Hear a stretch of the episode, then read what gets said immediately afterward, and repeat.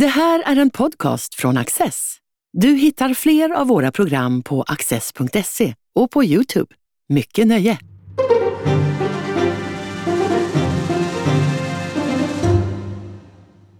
Välkomna till Studio Access. Eh, vi spelar in vårsäsongens eh, första avsnitt idag och min gäst heter Johan Ingerö som till vardags är seniorkonsult på ett public affairs-företag som heter The Labyrinth. Du har en gedigen politisk bakgrund också, men idag är du här framförallt allt på grund av dina omfattande kunskaper om USA som vi ska prata om. Det är presidentval i höst, men den näst viktigaste händelsen i amerikanskt offentligt liv ägde rum i förrgår eh, när det var Super Bowl. Och jag vet att du är också en aficionado när det gäller amerikansk fotboll. Var det rätt lag som vann? Uh, ja, det får man väl säga. Uh, mitt lag slogs ut på ett tidigt stadium. Och vilket är det? Atlanta Falcons. Atlanta, att, okay, uh, Följer man dem så är man van vid lidande och smärta och ja som supporterskap verkar gå ut på i väldigt hög eh, utsträckning. Det var väldigt hallå, dels om själva matchen naturligtvis, en del om att Donald Trump höll stort party för där folk kunde titta på matchen och festa hemma hos honom. Men också på grund av vad som ägde rum på läktaren där Taylor Swift som är på alla släppar i dessa dagar satt. Eh, varför är hon så extra intressant i ett politiskt perspektiv? Det är hon egentligen inte. Nej. Men i USA så har vi nu hamnat i så många olika nivåer av metadebatter att även det totalt icke-politiska kan bli politiskt. Taylor Swift är tillsammans med en spelare i Kansas City Chiefs, de som vann. Och då fanns det en del sådana här riktigt galna teorier om att NFL är kidnappat av vänstern, Uh, Taylor Swift stödjer Demokraterna. Och att um, Taylor Swift är en slags psyop. Alltså en uh, inrikes inflytelseagent för vänstern och att NFL därför har krattat så att uh, laget där hennes pojkvän spelar skulle vinna. Aha. Och vad tror du om den här teorin? Jag tror inte ett dugg på Nej. den. Om Joe Biden hade haft någon stark konspiration för att få Kansas, Kansas City Chiefs att vinna, då hade 49ers tagit hem det. Det är min fasta övertygelse. Eh, han är från Delaware som väl inte är nedlusat med framgångsrika eh, idrottslag i de stora ligorna. Ja, det är hans politiska bas. Han är född i Pennsylvania. Eh, jag vet faktiskt inte vad han håller på i NFL. Ja, ja vi lämnar det där här. Eh, pratar vi om det här, eller vi och vi, pratar man i amerikanska kommentariatet om det här istället för primärvalen eftersom de, eh, i, i, jämför man med tidigare år så skulle det vara primärvalssäsong, nu folk skulle vara jättespända hur det skulle gå i i de val som rullas ut i delstat för delstat. Men loppen verkar nästan körda i både Republikanernas och Demokraternas fall. Ja, och det var aldrig några egentliga lopp. Eh, Joe Biden är en sittande president. Sådana händer att de utmanas, men det är ytterst få utmanare som har eh, muskler nog att på allvar utgöra ett hot. Den här gången så fanns det inga starka spelare. En representanthusledamot som är inne på andra mandatperioden en aktivist och författare. Mm. Och på, på republikanska sidan, Trump är inte sittande president, men i primärvalsväljares ögon så behandlas han ändå som en president. Man behåller ju även titeln i USA när man har lämnat ett ämbete, så man kallas ju Mr President. Jimmy Carter kallas det och det är, vad blir det, 43 år snart, 42 år sedan han lämnade det ämbetet. Så att Trump är en före detta president i ett primärval och det gav honom naturligtvis en jättefördel utöver det faktum att han har lyckats med något som ingen annan amerikansk politiker har gjort, nämligen att näst, åtminstone liksom halvta ett, hälften av ett av partierna och göra det till sin egen personliga folkrörelse. Och det är ju både imponerande på sätt och vis, det är också lite skrämmande. Och, och fram tills nyligen så har det ju inte varit en, en tradition i amerikansk politik att det fungerar så. Jag tror själv att jag någon gång i tiden har skrivit artiklar om hur imponerande det är med primärvalen och att man öppnade upp och ger folk en chans så att det inte är slutna partistrukturer som bestämmer hur valsedlar och sånt där ska se ut. Men när man ser den amerikanska utvecklingen då blir man ändå rätt liksom är inte lika övertygad om att det är en bra idé. Nej, men så är det. Alltså när eh, primärvalen slog igenom på riktigt. Det är alltså för Republikanernas del var det på 60-talet och Demokraternas på 70-talet. Så innebar de en väldig demokratisering av selektionsprocessen. Dessförinnan så hade presidentkandidater vaskats fram i eh, stängda rum med, med mycket konjak och, och tjock cigarrök. Och det där ville man bort ifrån. Och, och ett tag så funkade det också väldigt bra. Ehm, primärvalsväljarna var ganska duktiga på att hitta kandidater som uppenbarligen då hade bred politisk eh, acceptans hos amerikanska folket. Vi såg flera väldigt tydliga, eh, tydliga valresultat. Jordskredssegrar eh, på 60, och 70 och 80-talen. Och det där är ju borta nu. Utan, så jag älskar primärvalen. Jag har varit i New Hampshire och gått på alla de här rallies. Och så. Det är otroligt kul. Men, men tyvärr har jag väl landat i slutsatsen att primärvalen nu har blivit eh, i stort sett det demokratiproblem de uppstod för att förhindra. Mm. Och det, som du säger, på den eh, eh demokratiska sidan så har Biden tagit alla sådana här, man väljer, staterna väljer ju då eh, delegater till sina respektive partikonvent. Mm. Och jag tror att Biden har vunnit alla i dem. Det har varit tre, ja. några stycken, ja. handfull. Han kommer vinna resten också. Och, eh, och på den republikanska sidan är det bara Nikki Haley, eh, senatorn, ifrån, eller förlåt, förra guvernören från Sydcarolina som är kvar i, i racet. Hur länge kommer hon att vara det, tror du? Hennes, del, hennes hemstat eh, finns ju, den kommer ju upp här ganska snart i februari. Och av allt att döma så kommer hon förlora stort även där. Hade jag varit hon så hade ju jag hoppat före dess. Därför att om hon vill göra ett nytt försök nästa gång, då är det inte jättekul att ha en knallförlust i sin egen hemstat mm. som sin senaste merit. Eh, det fanns, ju ganska, fanns ju förvånansvärt många republikanska presidentkandidater och som försommaren 23, det var väl då Trumps ledning var som minst. Och då var den ändå på någonstans mellan 10 och 15 procentenheter. Nu är den på 30-40. Mm. Så att egentligen är det här det är onödigt. Det, det är avgjort och klart. Och varför sopar han banan med detta ändå rätt kvalificerade startfält där det Mike Pence, före vicepresidenten, som var den som uppförde sig an, anständigt mm. i samband med stormningarna Kapitolium, Nikki Haley som är duglig, eh, Chris Christie, en lång rad erfarna eh, personer fanns med. De, ingen av dem hade en chans. Mm. Ron DeSantis förstås från mm. Florida. Nej, men man kan väl säga att ungefär 40, mellan 40 och 50 procent av, av liksom de övertygade republikanerna är stenhårt lojala med Trump. De kommer inte överge honom alldeles oavsett åtal eller något annat. Och sen så har du ett gäng som är öppna för någon annan men som helt enkelt tycker att han är starkast, har bäst chans. Eh, eller som ogillar eh, någon av konkurrenterna i någon sakfråga. Till exempel så uppfattas ju Nikki Haley som lite för neokonservativ, det vill säga för benägen att dra in USA i krig som de inte har att göra i, tycker de. Och, sådär. och tillsammans så ger det där Trump en strukturell majoritet på runt 60 procent. Och det, alltså det, det går inte att dyrka upp det.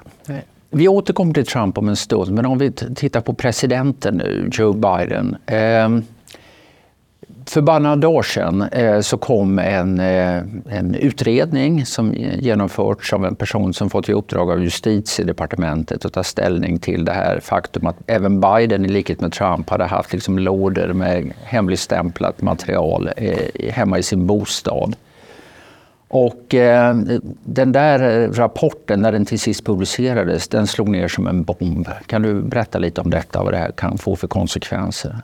Ja, han utreddes då av en, en person som heter Robert Herr.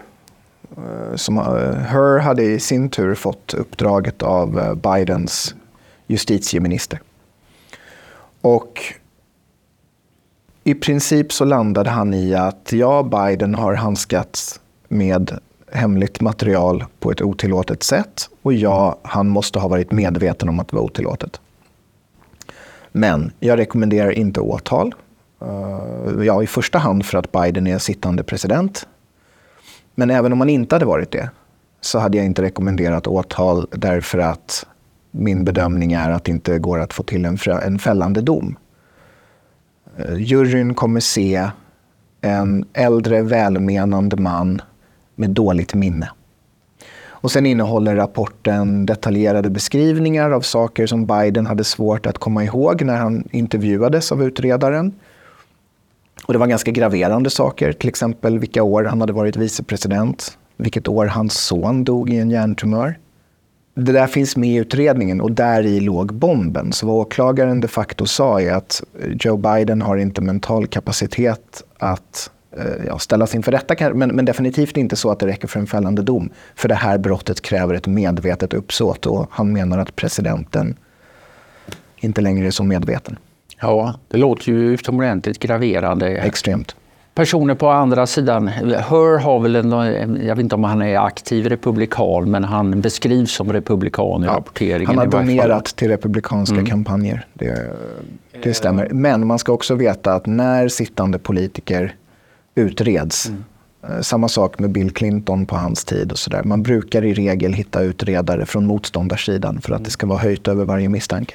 Jag tänker på att detta har gjort att liksom demokratiska debattörer, eh, ett antal i varje fall, har, har liksom sagt att det här är en partsinlaga, det här är under all värdighet, sånt där ska inte finnas med i den här eh, personliga omdömen, ska inte finnas med i den här typen av, av rapporter. Hur mycket ligger det i det där? Det sista är helt enkelt inte sant. Det ligger i åklagarens uppdrag att bedöma om det här räcker för ett fällande dom.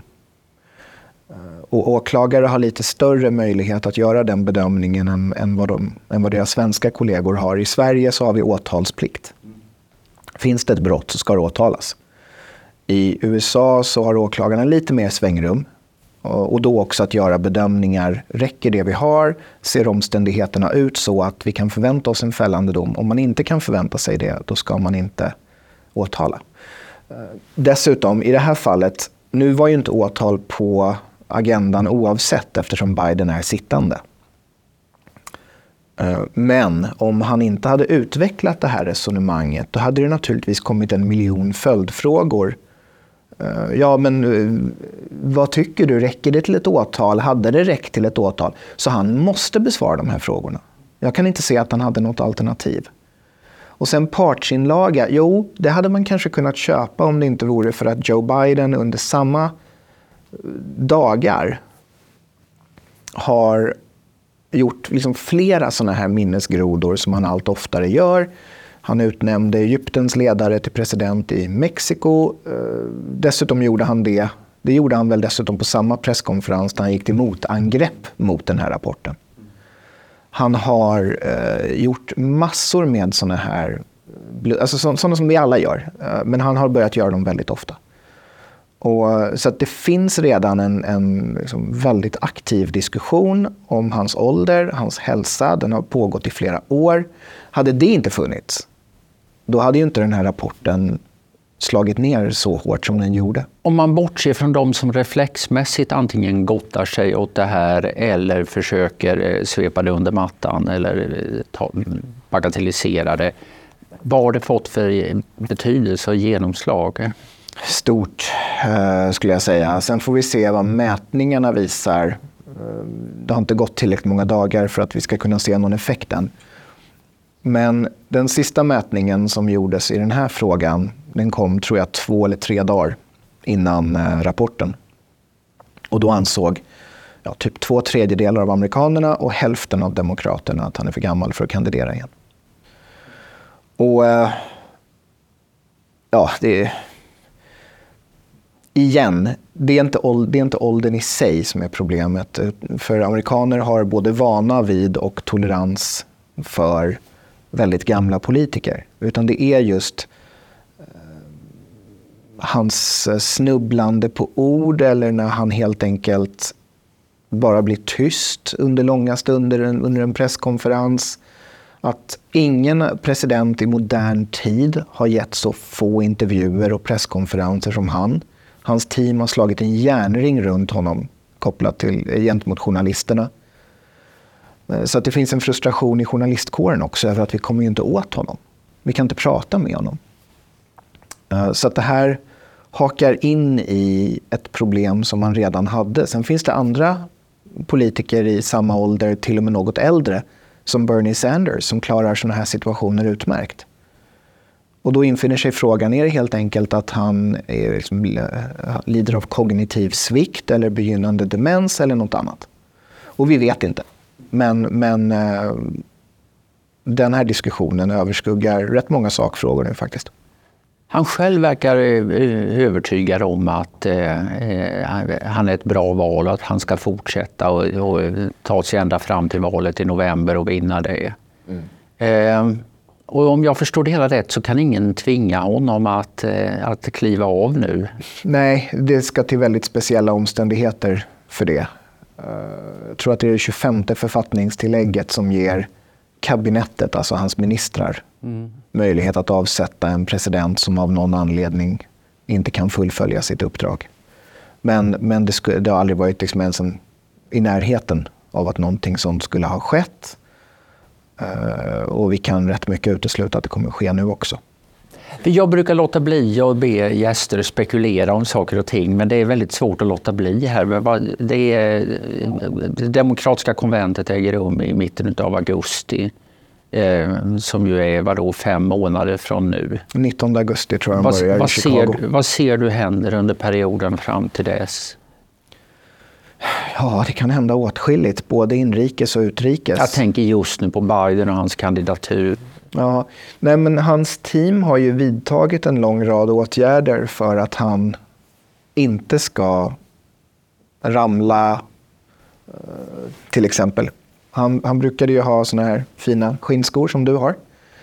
Uh, numera så har han svarta gymnastikskor för att det är lättare att hålla balansen i dem. Alla har sett den här långa trappan upp till ingången i Air Force One den använder han inte längre utan han använder en mycket kortare trappa till en undervåning. Jag vet inte om han går in bland bagaget eller vad det nu är. Uh, därför att han har snubblat några gånger i den här trappan. Han har uh, artros i knäna och då blir antalet trappsteg lite besvärligt för honom. Så att de försöker liksom undvika situationer där han kan göra bort sig helt enkelt. Och det är klart, det där noteras ju och sen blir det artiklar istället. Så att jag tror att de kommer spela en hel del försvarsspel. Samtidigt som de kommer vara, eh, försöka liksom ha en kaxig konfrontativ, konfrontativ ton gentemot framför allt Donald Trump, men även andra republikaner. Och eh, visa att de, att de slåss. Och om man måste aktivera en plan B, hur, hur, om det helt enkelt visar sig att han är, blir sämre under den här perioden till den grad att man inser att han inte har en chans att vinna mm. Eh, och lyckas övertala honom att kliva av, vad, vad händer då? Ja, en variant, det tror jag absolut inte kommer hända ska jag säga. Men en möjlighet skulle ju vara att han helt enkelt avsäger sig presidentämbetet.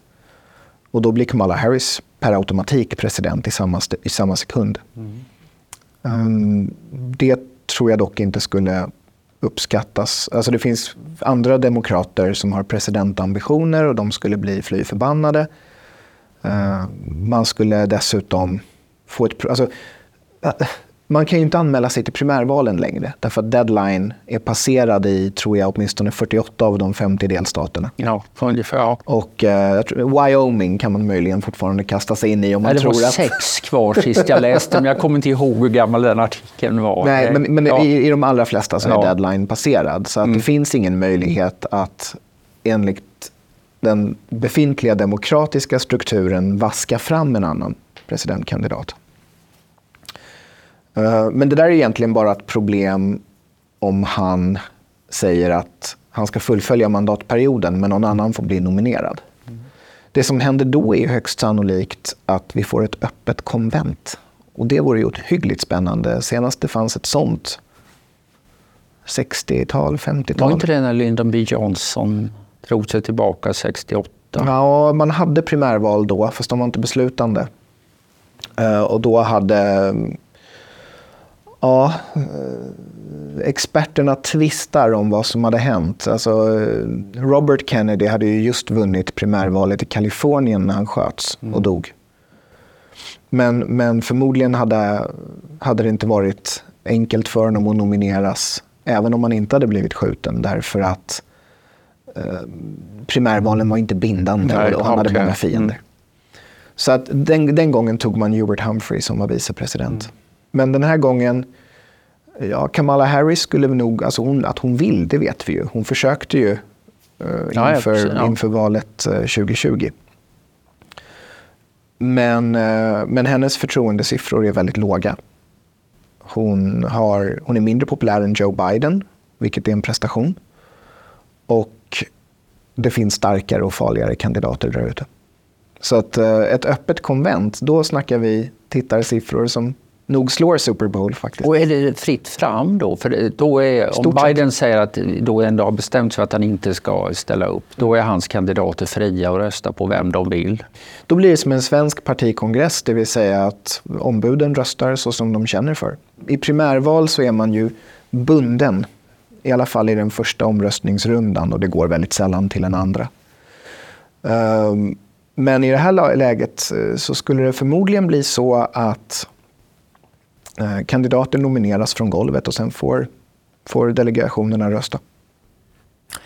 Ja, nu måste vi tala lite om den här Donald Trump eh, också. Ehm, det sägs två saker om Trump i detta år. Det ena är att han är värre än förra gången. Eh, att han är mer hämndlysten, revanschsugen.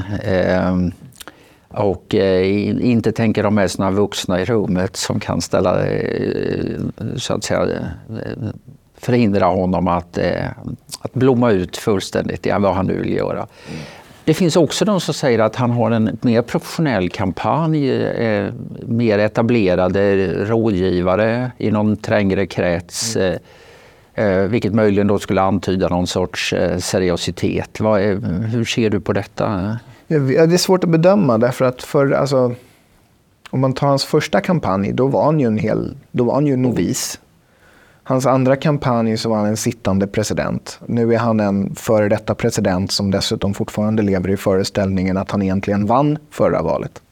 Du är övertygad om det, bara inom parentes, att hans eh, förnekande av Bidens ja, seger och sånt där är äkta känt jag tror, honom? Jag tror att han, ja. Eh, att han säger det vet alla. Ja. Jag, jag är inte hans psykolog på något Nej, vis. Ja, men, det spelar kanske inte men, så stor men, roll. Men, men min bild är att han, han tror på det han själv säger, ja.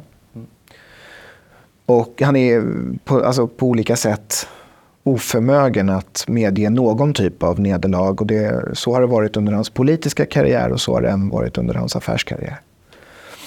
Men nej, alltså han är svårläst. Eh, därför att han fortfarande efter alla dessa år inte fungerar som en politiker. Sådana kan man ju läsa. Utan han är fortsatt impulsiv. Eh, jag trodde nog när han blev president att Inrikes så kanske det inte spelar så himla stor roll. Därför att där finns det sådana begränsningar av ämbetet. Uh, utrikes så, så trodde jag att det kunde bli, alltså gunga rejält. Och sen när jag sammanfattade hans fyra år så insåg jag att min bild var ju tvärtom. Han var inrikespolitiskt så var han oerhört destruktiv. Utrikespolitiskt så var han väldigt framgångsrik. Ja, utifrån den politik han drev, så att säga, den funkade. Han, han mäklade fyra fredsavtal i Mellanöstern, där det nu har smält. Ryssland anföll ingen under hans fyra år, det har de gjort nu. Det var inte lugnt, men ändå jämförelsevis lugnt eh, i Asien, Kina, alltså Kina gentemot Taiwan. Vi fick en öppning, inte så mycket substans, men ändå en slags öppning in i Nordkorea. Och på alla de här punkterna har utvecklingen rullats bak. Ja, han fick dessutom till ett freds och samarbetsavtal på Balkan. Mm. Och på alla de här områdena så har ju utvecklingen rullats tillbaka. Så man kan ju hävda att han var framgångsrik i att hantera världens oroshärdar och diktaturer. Möjligen därför att de såg att han funkar lite som de gör. Mm. Ehm, de var rädda för honom, men de är inte ett dugg rädda för Joe Biden. Men inrikespolitiskt så är ju inte det här så himla kul. Därför att vad det betyder är ju att den fria världen leds då av en person som rent mentalt funkar ganska mycket som auktoritära eller rent av totalitära ledare. Mm. Men om man tänker på utrikespolitiken, vad han har sagt när han har lekt med tanke på att man ska införa 10-procentiga tullar på varor från hela världen.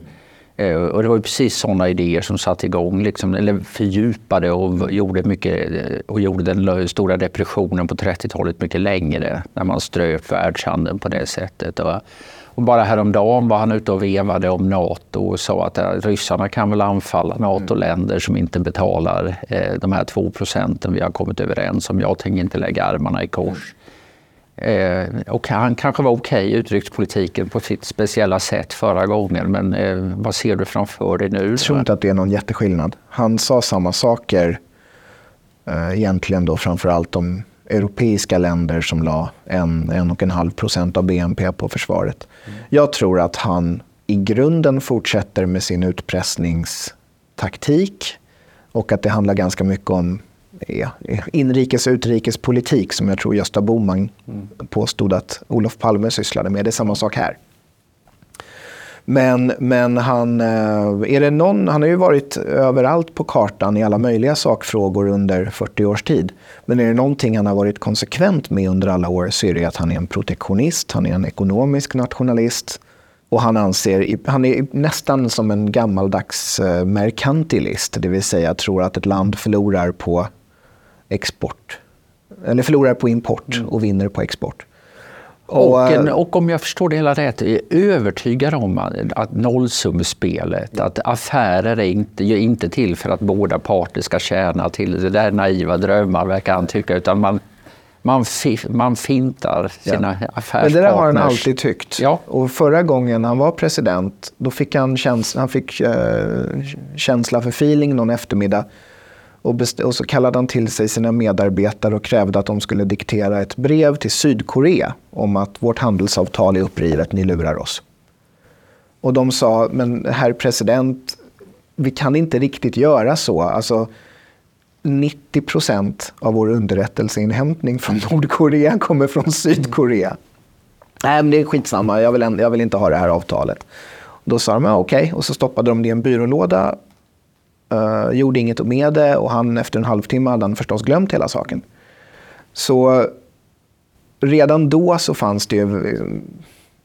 Det fanns folk som så att säga, försökte hålla honom något sånär på mattan. Mm. Men, men det är klart att ett land vi kan ju inte... Ja, men det som du spekulerar i är väl att, att, han har insett det på något sätt att, och att inte, han inte tänker rekrytera några sådana personer som Nej. inte lyder vad, Nej, det är möjligt. han säger. Han, han, du, vi måste vi byta några ord om rättsfallen också. Mm. Eh, det är svårt att hålla reda på hur många de är, men det är, eh, ja, det är flera tjog. Eh, upp mot hundra tror jag. Ja, det är väl ett 70-tal. Och eh, det, spelar det där ingen roll alls för hans möjligheter att bli vald? Jo, men det spelar ingen roll för primärvalsväljarna. Mm. Um, och, och, i vissa sammanhang, en del siffror tyder ju på att han till och med tjänar på det här därför att det bekräftar misstankar om att han, hela, att han är ditsatt.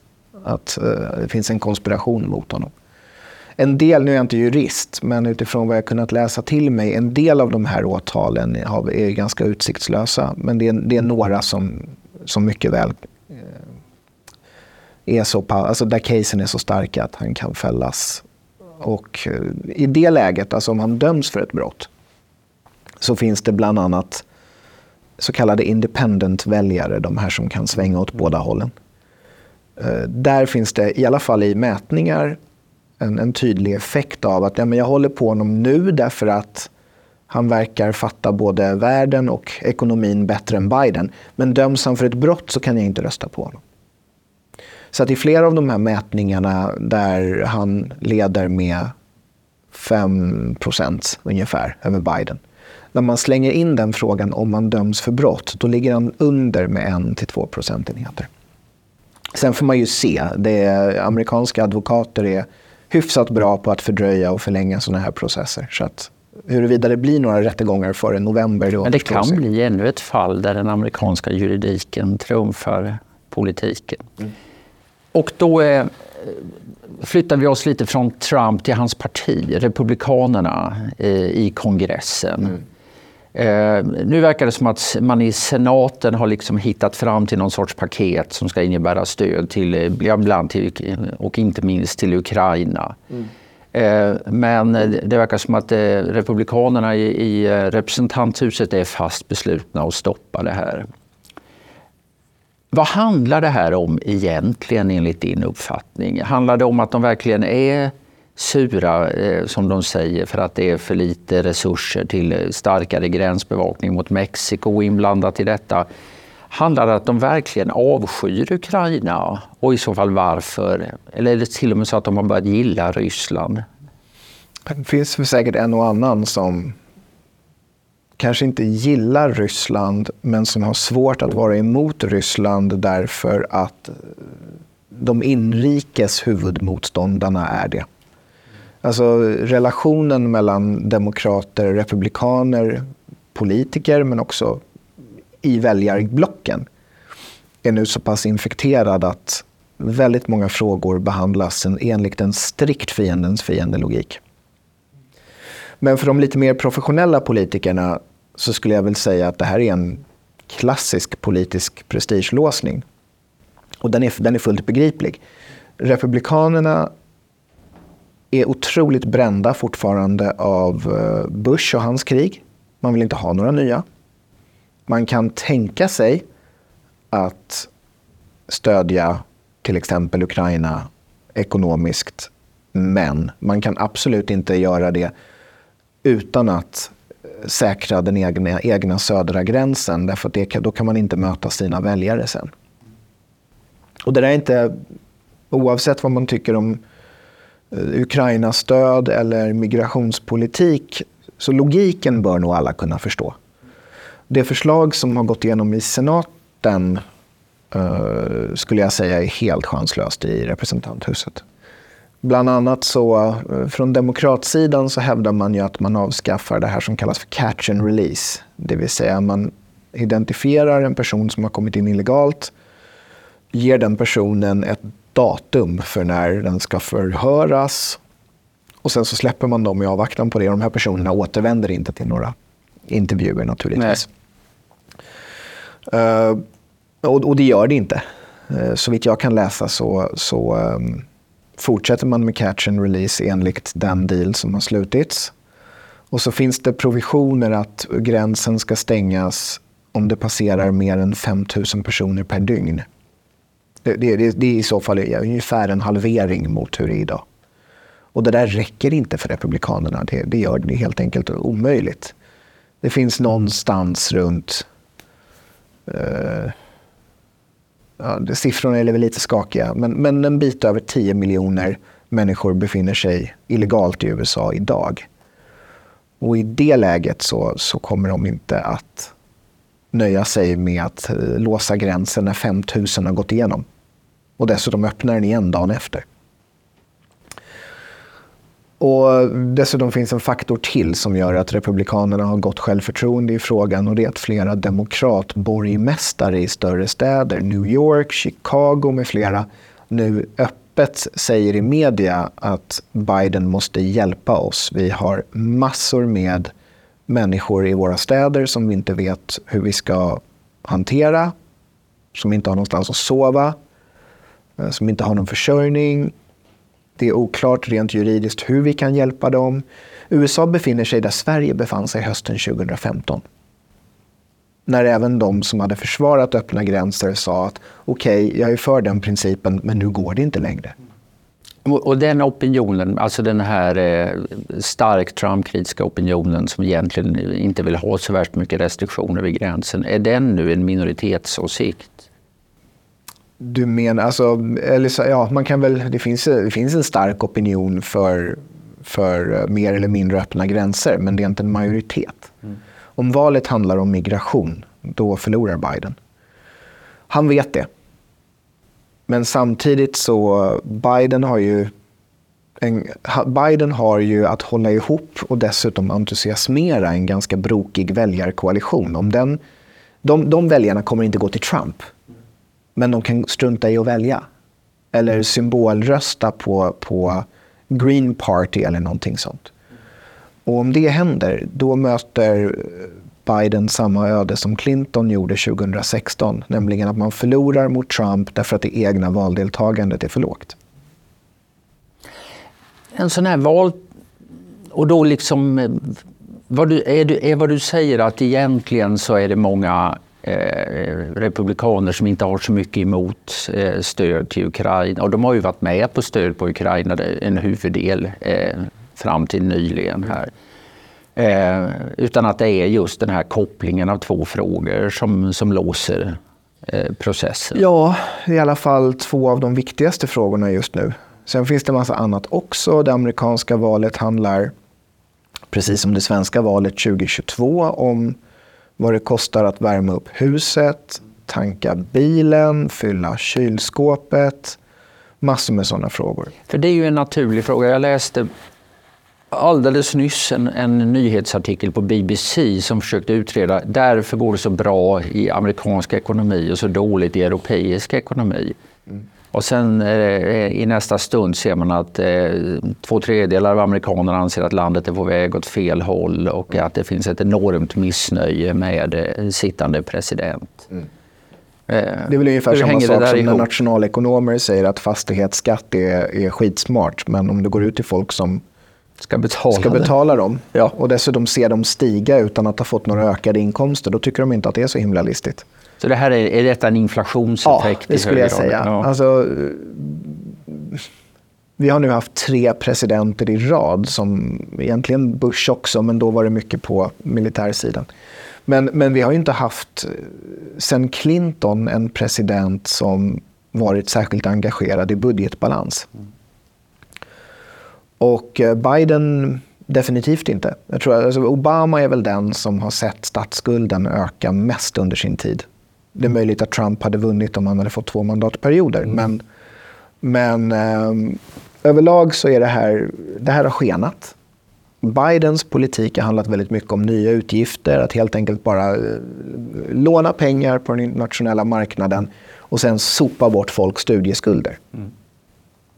Och och det har gjorts många sådana här olika eh, insatser. Hans uh, uh, Build, build Back Better, förlåt, var ju också en sån här enorm New Deal-variant eh, som, som eh, funkar på kort sikt, men, men statsskulden växer explosionsartat.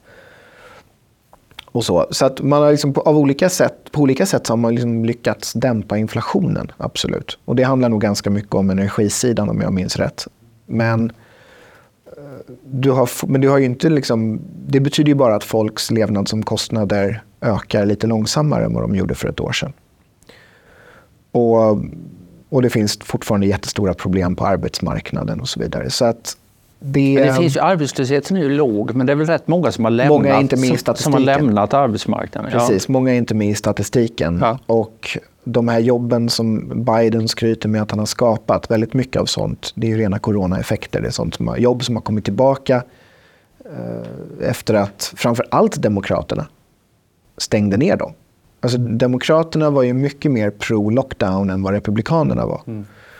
Och, och Demokraterna demokratstyrda delstater, och det är ofta de med större befolkning, hade hårdare lockdownregler.